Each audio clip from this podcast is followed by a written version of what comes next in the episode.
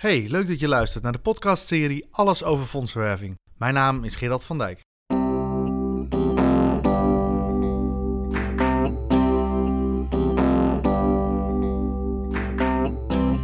Je luistert naar een podcast van Grantio Fondsenwerving.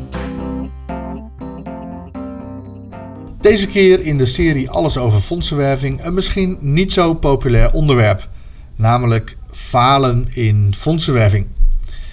Ik wil met je stilstaan bij waarom we persoonlijk niet graag falen, waarom goede doelen niet mogen falen en welke kansen ligt in falen. Fijn dat je de tijd neemt om te luisteren naar deze podcast. Dat zegt me dat je benieuwd bent naar het onderwerp. Misschien omdat je er al te maken mee hebt gehad, of omdat je graag wilt leren van fouten. Als je nog meer wilt leren over fondsenwerving, bekijk dan ook de gratis e-learning op grantiu.nl. Misschien herken je deze uitspraak. Op de foto van een succes wil iedereen staan. Ik heb dit letterlijk zo meegemaakt. Toen ik bij het Ronald McDonald Kinderfonds werkte, hadden we een succesvolle campagne. Geef de knuffel door. Het project was simpel en succesvol. Mensen konden een mooi, van hoge kwaliteit knuffel kopen voor hun eigen kind of om een cadeau te doen. En met de opbrengst konden ouders van ernstig zieke kinderen dichtbij overnachten, zodat ze dag en nacht in de gelegenheid waren om hun kind te knuffelen. Het idee, de uitwerking en de uitvoering heeft veel bloed, zweet en tranen gekost. Het duurde maanden van hard werken en doorzetten om dit succes te bereiken. En niet zonder resultaat. Het succes werd opgemerkt en we mochten een prijs in ontvangst nemen van de internationale Ronald McDonald House Charities. En toen wij in Chicago waren voor een congres waar ook deze prijs werd uitgereikt, liep iedereen mee naar voren voor de foto. Ook collega's die niets aan het succes van de campagne hadden bijgedragen. Want succes kent vele vaders. Nog zo'n tekst voor op een tegeltje die helaas maar al te vaak waar is. Het omgekeerde is ook waar. Wanneer dingen misgaan, wil niemand er iets mee te maken hebben. Diezelfde collega's die zonder enige inspanning trots op de foto stonden, zouden die ook aandeel hebben genomen als de prijs aan ons voorbij was gegaan? Zouden ze dan zich met ons hebben afgevraagd wat we anders hadden moeten doen of wat we beter hadden moeten doen? Of nog persoonlijker, had ik iets moeten doen? Maar zo werkt het niet. We houden niet van falen of fouten. En hoe komt dat? Meestal heeft het met angst voor afwijzing te maken. Ik heb voordat ik naar de goede doelen ging 12 jaar in de IT gewerkt. Een meestal vrij harde sector waar alleen resultaten tellen. Ik heb mensen ontslagen zien worden omdat ze niet de afgesproken doelstelling haalden, terwijl ze keihard daarvoor werkten. Maar zelfs als je baan er niet van afhangt, heb ik mensen zien draaien om onder de schuldvraag uit te komen. Het was niet mijn fout, het kwam omdat hij of zij of ik wist dat niet, anders had ik wel. We leven in een cultuur waar het maken van fouten geen bestaansrecht heeft. En dat is jammer. Het is zelfs een gemiste kans. Want ga maar na. Welke momenten in jouw leven zijn het meest bepalend, het meest vormend geweest? Bij mij zijn dat de moeilijke momenten geweest. De diepe dalen, de situaties waarin dingen misgingen. Die hoge pieken zijn fijn en die heb je ook nodig. Maar de moeilijke momenten, dat waren de momenten waarin ik het meest heb geleerd omdat we in een cultuur leven waarin we vooral successen delen, kijk maar naar de socials, is het bespreken van falen of fouten ook niet meer aan de orde. En dat is ontzettend jammer, want achter de meeste fouten schuilt een kans. Later daarover meer. Maar mensen falen niet graag, omdat ze bang zijn om afgewezen te worden of straf te krijgen. Voor ieder mens in het algemeen, maar voor fondsenwervers in het bijzonder, zeg ik: creëer een veilige plek voor jezelf en jouw collega's om fouten te mogen maken. Als je leidinggevende bent, spreek het uit naar je team. Maar ook in individuele gesprekken.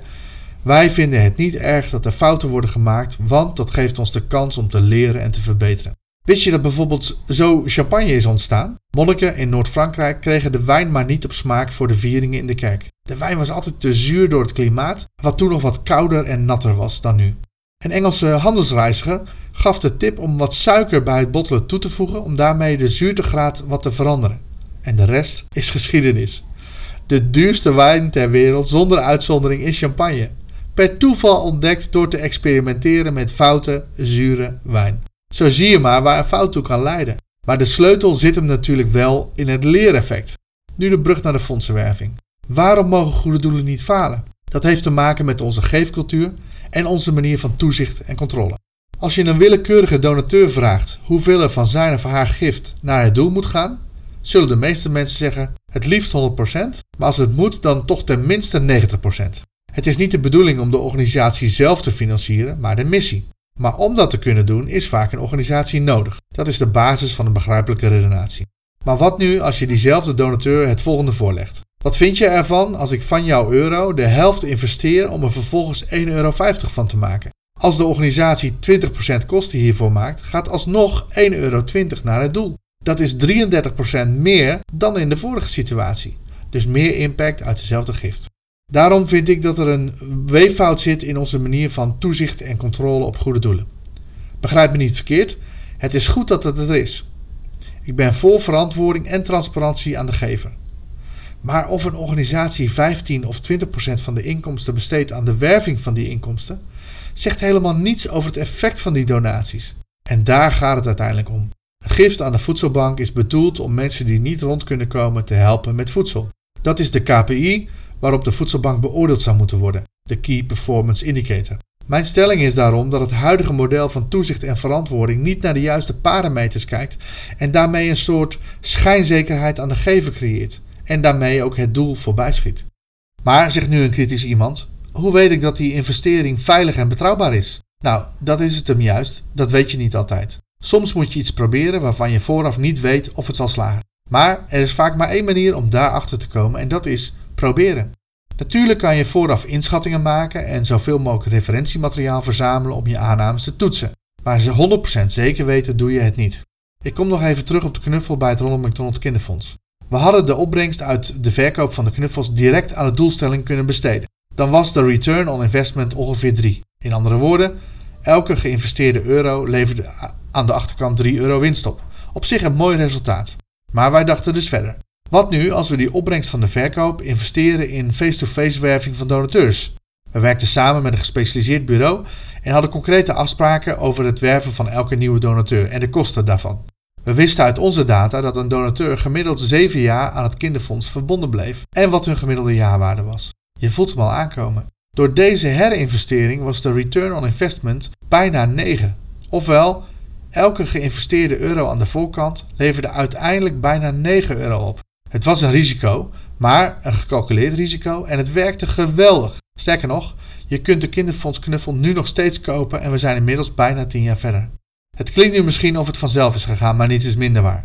We hebben fouten gemaakt in de aanpak, in de campagne, in de levering en de productie. Maar elke fout gaf ons de kans om het proces te verbeteren. En dat is gelijk het laatste onderdeel. De kans die ligt in falen. Als je het niet probeert, dan weet je het niet. Kijk maar eens hoe een kind leert lopen en leert fietsen. Niet door een uitgebreide cursus of vooraf met do's en don'ts, maar vooral door trial and error. Proberen en fouten maken. En de kunst is dan om bij de eerste fout niet het kind met het badwater weg te gooien, maar te ontdekken welk onderdeel wel eens voor de verkeerde uitkomst zou kunnen zorgen, dat aanpassen en weer opnieuw proberen. Net zolang totdat het werkt en je de resultaten kunt plukken van waar je naar op zoek was. Om dit te kunnen bereiken is een cultuur nodig binnen jouw organisatie waarin fouten gemaakt mogen worden. Ik bedoel geen wilde, onbezonnen, ondoordachte experimenten, maar wel goede ideeën met een uitgewerkt en doordacht plan wat de ruimte krijgt om het te verbeteren. Ik wil je aanmoedigen om dit toe te passen in je eigen leven, maar ook richting collega's, medewerkers en vrijwilligers. Moedig mensen aan om dingen uit te proberen en te leren van wat er niet goed gaat. Je zult zien dat er een andere vibe ontstaat en er nieuwe ideeën op tafel gaan komen die helpen om jouw geweldige missie vorm en inhoud te geven, nu en in de toekomst.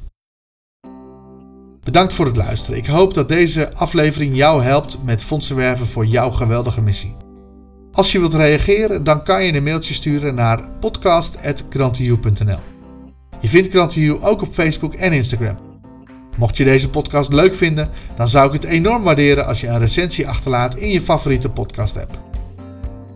Voor meer informatie en inspiratie check ook even de gratis e-learning op de website grantiu.nl. Bedankt voor het luisteren en graag tot de volgende keer. Voor meer informatie ga je naar grantioe.nl.